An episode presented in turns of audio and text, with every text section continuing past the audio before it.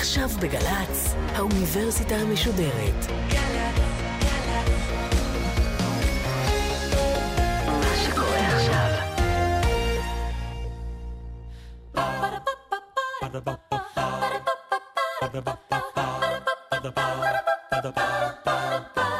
האוניברסיטה המשודרת מציגה מבוא ל עם קובי מידן, והסמסטר טקסטים מכוננים של הישראליות.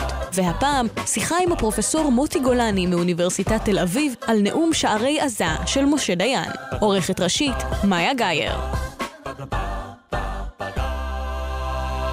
שלום לכם. בערב ל"ג בעומר, שנת 1956, נחל עוז, דרום. אה, מתקבצים שם אנשים לחגוג את חתונתם של ארבעה זוגות צעירים, מחברי הקיבוץ. התרגשות גדולה עוד יותר, מכיוון שמי שאמור להגיע הוא גם הרמטכ"ל, משה דיין בגדולתו, בכבודו ובעצמו. הוא מגיע כי קצין הביטחון הצעיר של הקיבוץ, רועי רוטברג, ביקש ממנו, הזמין אותו לחגוג עם האנשים את האירוע. ורוטברג עצמו, קצין הביטחון הצעיר, יוצא אל שדות הקיבוץ באותו בוקר, בתפקידו לגרש פולש. הוא נקלע למערב של מספר מסתננים חמושים, הוא נחטף לעזה, שם הוא מעונה ונרצח. וכך, במקום לשאת דברי ברכה לזוגות הצעירים, בביקור שלו בנחל עוז, הרמטכ"ל משה דיין נושא הספד מעל הקבר בן היום של סגן רועי רוטברג. אתמול עם בוקר נרצח רועי. השקט של בוקר האביב סנוורו, ולא ראה את העורבים לנפשו על קו התלם. לא מהערבים אשר בעזה, כי אם מעצמנו נבקש את דמו של רועי. איך עצמנו עינינו מלהסתכל נכוחה בגורלנו ומלראות את ייעוד דורנו במלוא אכזריותו. הנשכח מאיתנו כי קבוצת נערים זו, היושבת בנחל עוז, נושאת על כתפיה את שערי עזה הכבדים, שערים אשר מעברם מצטופפים מאות אלפי עיניים וידיים, המתפללות לחולשתנו כי תבוא, בכדי שיוכלו לקוראנו לגזרים. השכחנו זאת? הן אנו יודעים כי על מנת שתגווע התקווה להשמידנו, חייבים אנו להיות בוקר וערב מזוינים וערוכים. זה משה דיין, רמטכ"ל, 1956, נחל עוז על קברו בן היום של רועי רוטברג. והדברים האלה שודרו כאן בגלי צה"ל, לא תאמינו, הם פורסמו בעיתונות, הם הדהדו, הדהוד גדול מאוד, כי הם נגעו באיזשהו עצב חשוף, או ניסחו איזה אמת, אה, לפחות בתחושה של אז.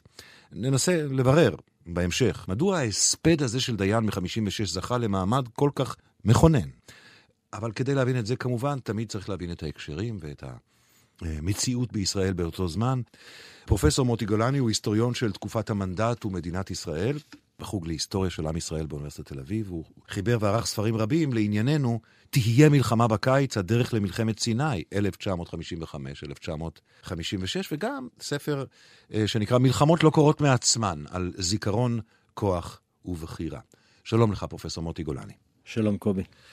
כמה מילים על רועי רוטברג, לפני שנלך אל ההיסטוריה הגדולה, על הבחור הצעיר הזה שנהרג יום לפני הנאום של דיין. אני חושב שרועי אה, היה מאותה חבורה לא גדולה, צריך לומר, שנענתה לקריאה של דיין כבר ב-1955, לרדת אל אה, מושבי הדרום כדי אה, לסייע שם לאוכלוסייה שברובה הגדול הייתה אוכלוסייה של אלה שנקראו אז עולים חדשים. ואחר כך זה התפתח כמובן ל- ל- גם לקיבוצים, לגרעי נחל שהלכו לקיבוצים. שמנה וסלטה של אותם ימים, וצריך לזכור שב-1955-56 בלטה מאוד העובדה שאלה שהתגייסו לצה"ל ולא ידעו קרוא וכתוב בעברית, היו הרוב המכריע. היה מיעוט קטן של ישראלים בני הארץ, שאמור היה להוביל את הצבא בכל מיני תחומים, בין השאר גם בנושא התיישבות, ורועי היה אחד מהם. אני לא חושב שהוא היה יוצא דופן בין אלה שנקראו דור בארץ. אבל הוא היה דמות בולטת אה, הן באישיות שלו והן בנראות שלו. הוא ואגב אשתו הצעירה, והם עשו רושם אז על דיין, שביקר שם כמה וכמה פעמים אה, עוד אה, לפני כן. ספר לי את האירועים שקדמו למותו של רועי רוטברג. אה, אנחנו מדברים אה, על מה שנקרא בעגה של ההיסטוריונים אפריל האדום. זו הייתה תקופה שבה בעצם אה, ההסתננויות, או מה שנקרא פידאין מ-1955, כלומר הסתננות בגיבוי מקצועי מצרי, גברו מאוד. הפלסטינים שנכנסו לתוך שטח ישראל, נכנסו כחלק מתהליך ההסלמה שהתחיל בניסיון לחזור. זה נכשל, זה עבר לניסיון ללכת לקטוף את היבול ש, שהם היו זקוקים לו, זה נכשל, זה עבר בניסיון לחבל, זה נכשל, זה עבר בניסיון לרצח. הייתה, הייתה הידרדרות אה, בעניין הזה. פה מה שנוסף זה גם גיבוי צבאי מצרי שנתן אה, לאיכות גדולה יותר להסתננות. אתה אומר 56 אפריל האדום.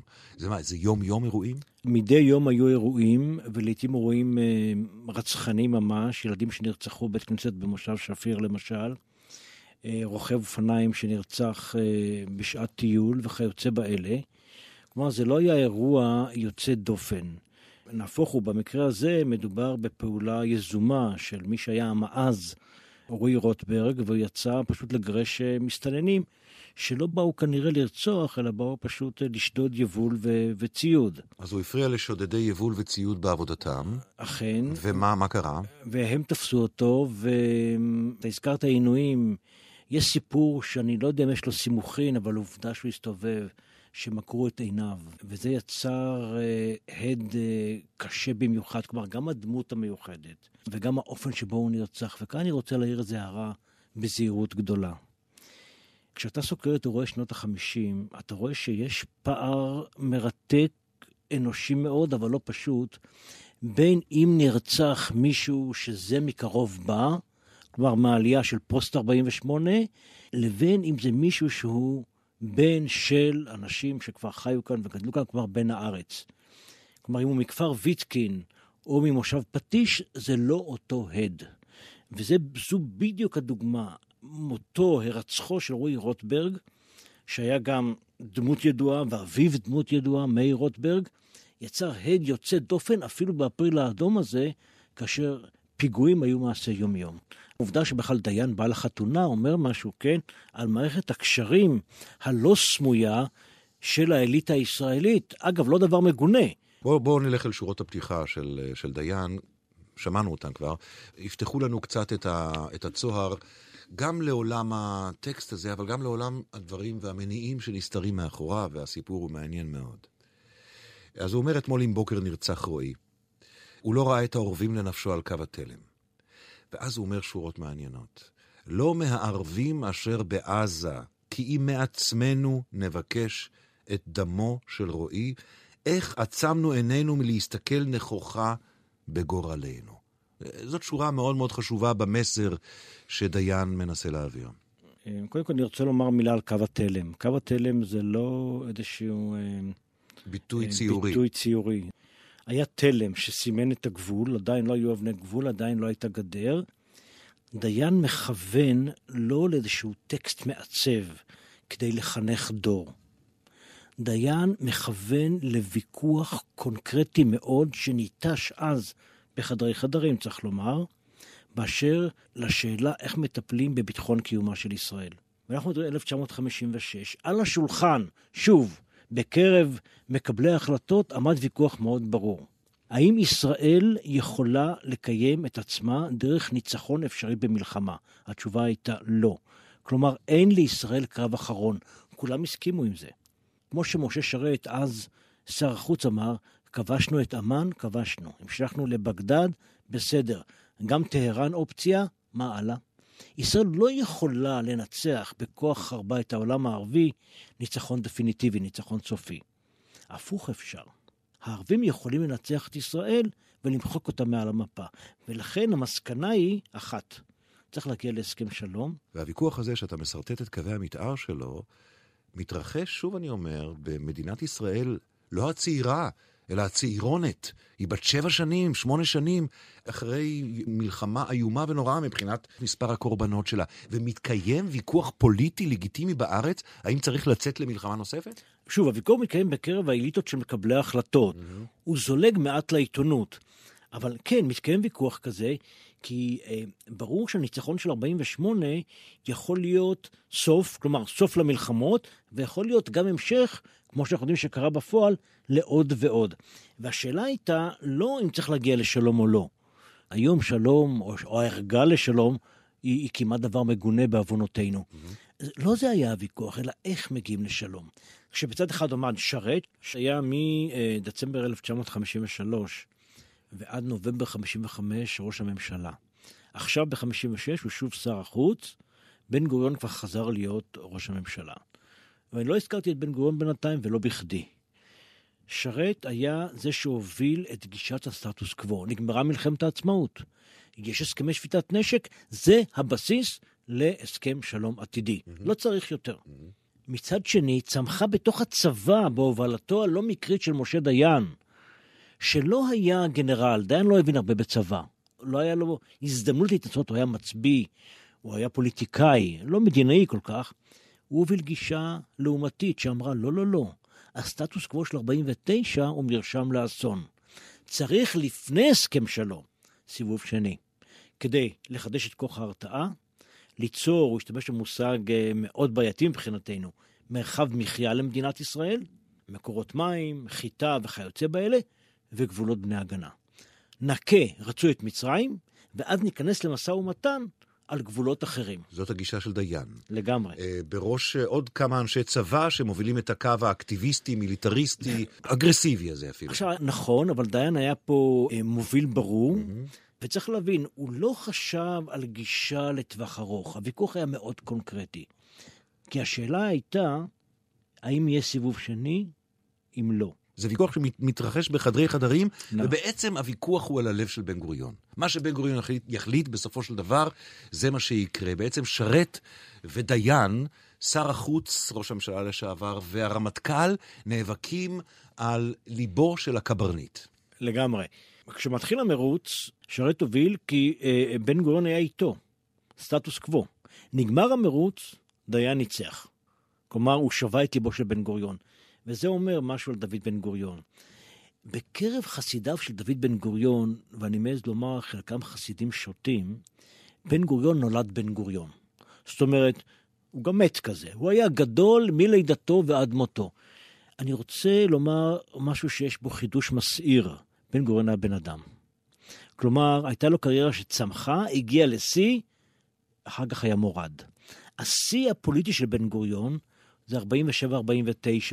פה בן גוריון במדרון. נכון שבן גוריון במדרון שלו היה הרבה יותר חזק מאשר אחרים בשיאם. למי שמצטרף אלינו עכשיו, אנחנו עם הפרופסור מוטי גולני, ואנחנו משוחחים איתו במסגרת הקורס על אה, טקסטים מכוננים של הישראליות, על נאום שערי עזה, זה הכינוי שהנאום הזה זכה לו, של משה דיין, 1956, ההספד לרועי רוטברג. אז הבנו, פרופסור גולני, הבנו פחות או יותר את ההקשר. ההקשר הוא של מאבק על ליבו של ראש הממשלה באשר לדרך לאן מובילה, האם צריך עוד סיבוב, כנראה מול מצרים, אה, לפני שמגיעים לשלום, או שצריך לדבוק בסטטוס קוו של הסכמי שביתת הנשק. אכן. מכיוון שאנחנו נמצאים ב-56, ואנחנו יודעים שתכף אה, יגיע מבצע קדש או מלחמת סיני, אנחנו באמת מבינים שבמבחן התוצאה, אה, הדוקטרינה של דיין היא שניצחה. בואו נהיה אפילו קונקרטיים יותר. אנחנו מדברים על אפריל 56. באפריל 56 האווירה הייתה כזאת שתהיה מלחמה בקיץ. אף אחד לא ראה את המצרים מכינים מלחמה, אבל לא הייתה אווירה בארץ. ברדיו שרו תותחים במקום גרביים, טנק במקום זוג נעליים. בנים ובנות תרמו את כספי בת ובר המצווה, נשים תרמו תכשיטים, גברים ירדו לספר לעזור בביצורים. עכשיו, דיין, הצבא, לא נוקף אצבע. גרוש לא ניתן לכם. בן גוריון רוצה להתחפר, שיתחפר. אני, אומר דיין הרמטכ"ל, אני מגייס בצו 8, מותר לי, את הצבא לאימונים. אם וכאשר תתקבל החלטה ברוחי לצאת למלחמה, אני איתכם. עוד דיין עורך את הדבר הזה, מי שיצק מים על ידיו, שמעון פרס, שר הביטחון, השתדל אצל הצרפתים בברית משותפת של ישראל נגד מצרים, על רקע מלחמת אלג'יריה, שעשתה את נאצר אויב משותף. מה שאולי יבשיל אחר כך לברית כן. המשולשת הזאת, של בדיוק. צרפת, בריטניה, ישראל. לגמרי. עוד לא ידעו את זה אז, זו הייתה אווירה. בן גוריון אמר, אין מלחמת מנע, אין סיבוב שני, עד שלא תהיה עסקת נשק נגדית, דומה לזו שנחתמה באותם ימים בין צ'כוסלובקיה למצרים, בהשראה סובייטית כמובן. ודיין יצר את האווירה הפוליטית לצאת למלחמה. פרס הביא את צרפת. בינתיים היו שני גורמים שהפריעו לעניין הזה. גורם אחד היה האו"ם, שאתה מוצא פה אה, הד לעשייה שלו, שניסה להרגיע. הנה אני אקרא, אני אקרא את ההתייחסות או את הרמז הדק כפיל של אה, דיין כן. לניסיונות התיווך שהאו"ם עורך באותם שעות, אכן. באותם ימים. הוא אומר, מיליוני היהודים אשר הושמדו באין להם ארץ, צופים אלינו מאפר ההיסטוריה הישראלית, ומצווים עלינו להתנחל ולקומם ארץ לעמנו. אך מעבר לתלם, לתלם הגבול, גואה ים של שנאה ומאוויי נקם, המצפה ליום בו תקהה השלווה את דריכותנו. עכשיו זה מגיע. ליום בו נאזין לשגרירי הצביעות המתנכלת. זאת, זה האו"ם. זה הכוחות הבינלאומיים כן. שמנסים לפשר כן. במתח סביב אפריל האדום. ליום בו נאזין לשגרירי הצביעות המתנכלת, הקוראים לנו להניח את נשקנו. אלינו ורק אלינו זועקים דמי רועי וגופו השסוע. בהמשך הוא מדבר על ההתפתות שלנו לקולות השלום או לקולות הפיוס שמגיעים מהעולם. בעצם, כשאתה קורא את הדברים האלה על רקע מה שאתה אומר לנו, הוא בעצם על הקבר הפתוח. הגופה עדיין חמה, אומר, אל נקשיב לדג המרשלד, נכון? מזכיר האו"ם שמנסה לתווך. זה צביעות והם מנסים לפתות אותנו למותנו, כי החולשה הזאת תביא למותנו. ואת זה אומר על הקבר הפתוח. דיין, בניגוד לשרת, היה פסימי. פסימי זה אומר רק דרך הכוח. שרת, כמו ויצמן, כמו הרצל לפניו, היה אופטימי. אפשר לקדם את הפרויקט הציוני גם דרך דיפלומטיה, גם דרך שיווק תרבותי. צריך כוח, אבל הכוח לא יענה את הכל. ומה שפחד ויצמן, ומה ששרת חשש ממנו, וגם בן גוריון, עד הרגע האחרון לא רצה לקבל, שאין תקווה אלא בכוח. וזה מה שדיין אומר להם, זה החידוש של דיין. הכוח הוא לא רק אמצעי ומטרה. עכשיו, דיין לא כיוון כאמור למורשת דורות, הוא לא ידע שהוא חלק מאתוס שהולך ומתהווה. דיין אומר, אל נרתע מלראות את המשטמה המלווה וממלאת חיי מאות אלפי ערבים היושבים סביבנו ומצפים לרגע בו תוכל ידם להשיג את דמנו. איזה תמונה הוא מצייר פה. יכול להיות שהיא התמונה הנכונה. אל נסב, הוא ממשיך, את עינינו, פן תחלש ידינו. זו גזירת דורנו. זו ברירת חיינו. להיות נכונים וחמושים, חזקים ונוקשים, או כי תשמט מאגרופנו החרב וייחרטו חיינו. אתה יודע מה?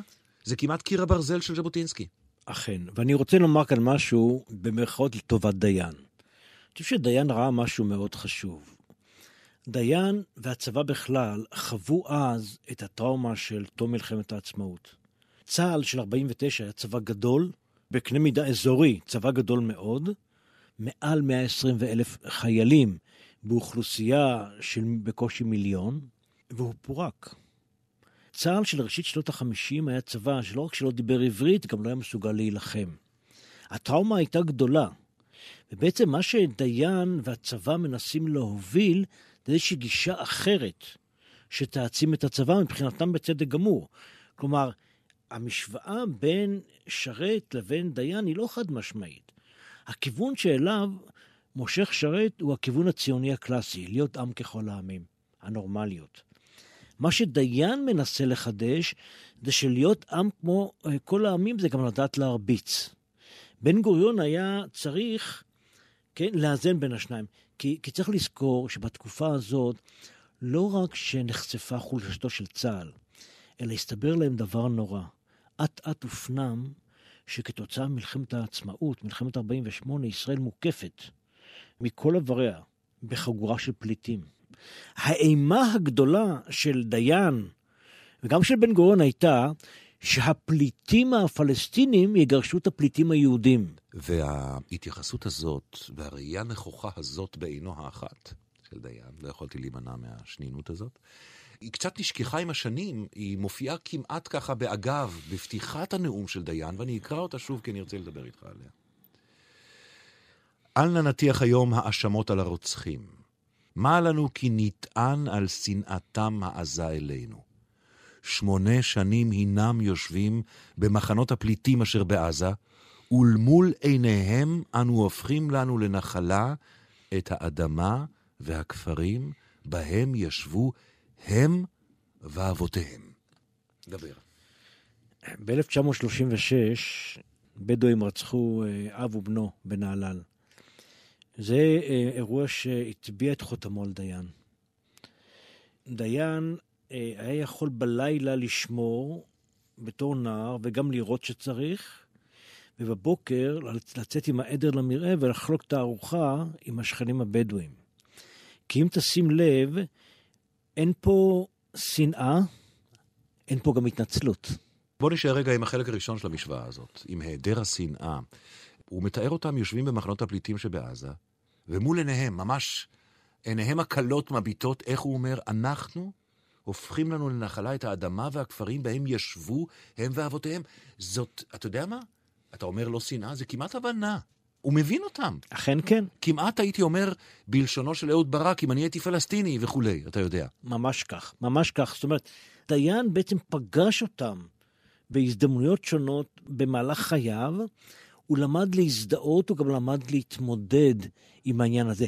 פה היה משהו מאוד בריא אצל דיין. מה לוקחים מהטקסט הזה היום זו שאלה נפרדת. אני, אני רוצה לשאול אותך, פרופסור אה, מוטי גולני, מה לקחו מהטקסט הזה אז?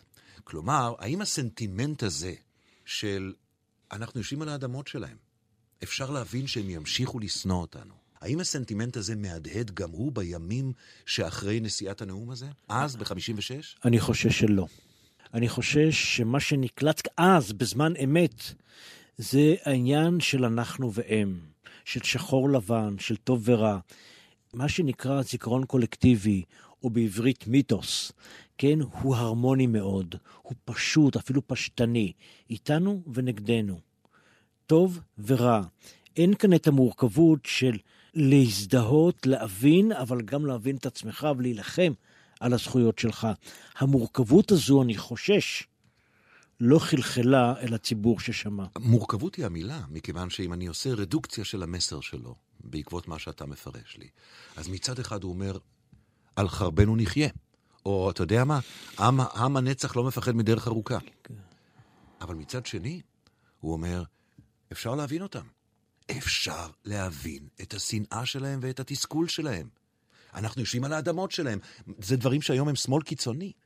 ושני המסרים האלה, מצד אחד, מה שנחשב היום שמאל קיצוני, מצד שני, אקטיביזם מיליטריסטי, חיים בכפיפה אחת. ודיין, דיין אה, המשיך לשדר את השניות הזו עד 1974. כלומר, הבנה וקרבה למצוקות של הפלסטינים, אבל גם גישה של טוב שלום בלי שאר המשך מאשר שאר המשך בלי שלום. לזה הוא יגיע נגיד עשור יותר מאוחר. דיין המשיך בכיוון הזה, ושוב, מה שקלט הציבור זה מסר אה, אחר לגמרי. אני חושב שמה שיקרה לדיין בהמשך, כן, אולי לא קרה לציבור הישראלי עד עצם היום הזה. אנחנו לא מספרים כאן את הביוגרפיה של דיין באופן מפורט, אבל כן, נסרטט את המשך הקו הזה שאתה מדבר עליו. 73, המחדל הגדול, היה קו שבר גדול מאוד בחיים ובתפיסה של דיין, מה שהוביל אותו כמעט באופן ישיר להובלת המהלך הבגיני של שלום עם מצרים. ושם עם הוא היה שרת יותר משרת בדיוק, כמובן. בדיוק. אבל אני רוצה, אני רוצה לחזור, קובי, על העניין הזה של ההשפעה של דיין עצומה. בשנות החמישים. הוא למעשה האיש החזק בישראל, לא דוד בן גוריון. מתוקף מה הוא שואב את כוחו? הוא שואב את כוחו מהדימוי שלו, קודם כל, של דור בארץ, של הצבר האולטימטיבי. שמענו את העברית שלו, אנחנו קוראים את הטקסט שלו, אנחנו רואים את דמותו. הוא היה מאוד מרשים בצילום אה, פורטרט מעל החגורה, וכמובן, הדפקט שהפך לאפקט זה עין. כן, כל זה עשה אותו לדמות משפיעה ביותר.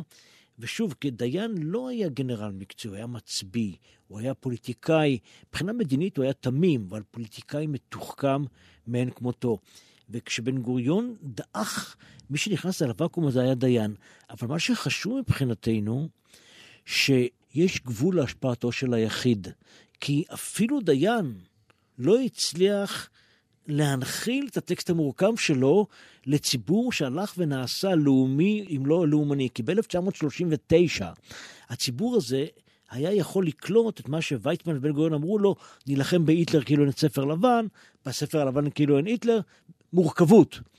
ככל שמדינת ישראל נעשית מדינה נורמלית יותר, במרכאות ובלעדיהן, האווירה נעשית חד-ממדית, במידה רבה. בוא נעצור כאן וננסה לעשות, לקרב את המצלמה אה, ממבט העל שאתה מספק לנו, ממש של הימים שאחרי נשיאת הנאום הזה.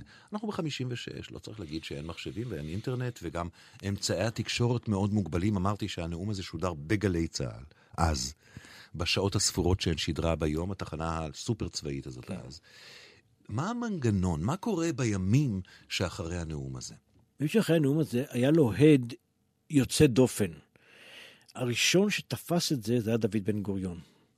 דוד בן גוריון תפס, א', שיש לזה הד פנימה בציבור, ב', שזה הולך גם אל העולם, ולכן הוא דאג לשים יד על הפרסום של הטקסט הזה בכתובים, לצנזר אותו. מה הוא ניסה לצנזר? קודם כל הוא ניסה לצנזר את, ה, את ההתייחסות לאו"ם, כן? אה, ולמעשה אה, בחלק מהעיתונים המשפט שמתייחס אה, לצביעות המתנכלת פשוט הועלה משם. הוא חשש מהעניין הזה מאוד, כי בן גוריון, בניגוד לדיין, וכמו שרת, חשש ממלחמה ורצה את התיווך של האו"ם. מעניין מאוד. אתה יודע, אבל לפני שנגיע לחתימת ה... האירוע הזה, שאלה, אתה יודע, אני לא בטוח שהיא בתוך, ה... בתוך הדיסציפלינה שלך, אבל עומד רמטכ"ל מעל קבר טרי של בחור צעיר שנרצח בעינויים אתמול, ועושה בהספד שלו מול המשפחה והחברים הקרובים, נושא טקסט פוליטי, עם מטרות פוליטיות קונקרטיות. האם זאת תהיה תמימות מצידי לחשוב שיש כאן טעם לפגם? אני אפתיע אותך, אולי, אם אני אומר שאין פה טעם לפגם. מהטעם הפשוט שהמאזינים לדיין לא ידעו על מה הוא מדבר. הדברים עושים כל כך טוב, שמי שלא היה מודע לוויכוח הלוהט, צריך לומר, לא הבין על מה מדובר. מצד שני, הדברים בהחלט מתאימים, אני מניח, למצב רוחם של אלה שנאספו סביב הקבר הטרי, ושל הציבור הישראלי בכלל, באותו אפריל אדום. עד כדי טקסט... כך שהיום בני הזמן מתווכחים איתי, ברור למה יצאו למלחמת סיני, בגלל הפידיון. כלומר, אנשים היו משוכנעים שזו עילה למלחמה. אבל שוב, הרחוב בכיוון אחד, מקבלי ההחלטות נמצאים במקום אחר, הפער הוא מעניין. אולי לכך מכוון הסוציולוג אה, ברוך קימרלינג. הוא כותב אה, במאמר שלו, מיליטריזם בחברה הישראלית, הוא כותב על ההספד לרועי רוטברג, שאנחנו מדברים עליו היום, זה הביטוי הכי אותנטי של המיליטריזם הישראלי. אתה מסכים עם ההגדרה הזאת? לא. אני חושב שכהיסטוריון אין נקודה סטטית. הדברים נעים כל הזמן. אנחנו נמצאים על תהליך, אנחנו נמצאים בתנועה. ואם אתה לוקח נקודה אחת, ההקשר שאתה נותן לנקודה הזאת הוא לא מדויק. דיין לא רק יוצר, הוא גם מושפע מהתקופה. כלומר, יש כאן איזו דינמיקה של פגישה בין סיבה למסובב, ודיין הוא חלק ממנה. זה אופייני להיווצרות המיליטריזם הישראלי. המיליטריזם הישראלי בדרך לשיאו הוא עוד לא שם.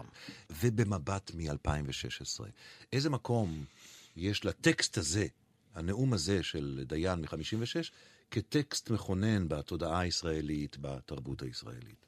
אני כמי שרואה, אני חושב בצורה אה, מאוד ממוקדת, גם בבעתה גדולה, את התפתחותו של המיליטריזם הישראלי, חושב שהטקסט הזה, שהוא טקסט מעולה, בלי שדיין ידע, עשה עבודה מעל ומעבר.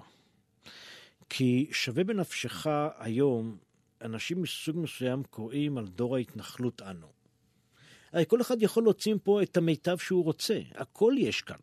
כלומר, הטקסט הזה מתאים לפרשנות, ה, אני אומר בעדינות, האקטיביסטית ביותר האפשרית דהיום. זה שדיין מדבר על כך שהעובדה שהוא הרג לשלום עברה את עיניו, זה לא אומר שהשלום היה מגונה בעיניו. אבל מי שיקרא את זה היום, הנה, במקרה הטוב התמים הזה, כן? שלא לומר האנטי-ציוני הזה, על שלום הוא חשב. זאת אומרת, יש כאן טקסט שהוא טקסט שניתן בנקל לפרשנות אחרת לחלוטין מזו שדיין שכתב אותו ב-56 נתן לו. ולכן אני חושב שהטקסט הזה הוא טקסט אה, שהמילה מעצב או משפיע יאה לו, מאוד. יש לי הרגשה, צריך לבדוק את זה, שיש היום ציבורים שלומדים אותו ברצון רב. פרופסור מוטי גולני, תודה רבה לך. תודה, תודה.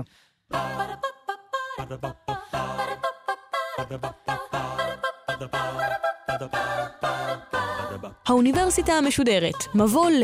קובי מידן שוחח עם הפרופסור מוטי גולני מאוניברסיטת תל אביב על נאום שערי עזה של משה דיין. עורכת ראשית, מאיה גאייר. עורכת ומפיקה, מיקה נחטיילר. מפיקה ראשית, אביגיל קוש. מנהלת תוכן, מאיה להט קרמן. עורך דיגיטלי, עירד עצמון שמייר. האוניברסיטה המשודרת, בכל זמן שתרצו, באתר וביישומון של גל"צ, וגם בדף הפייסבוק של האוניברסיטה המשודרת.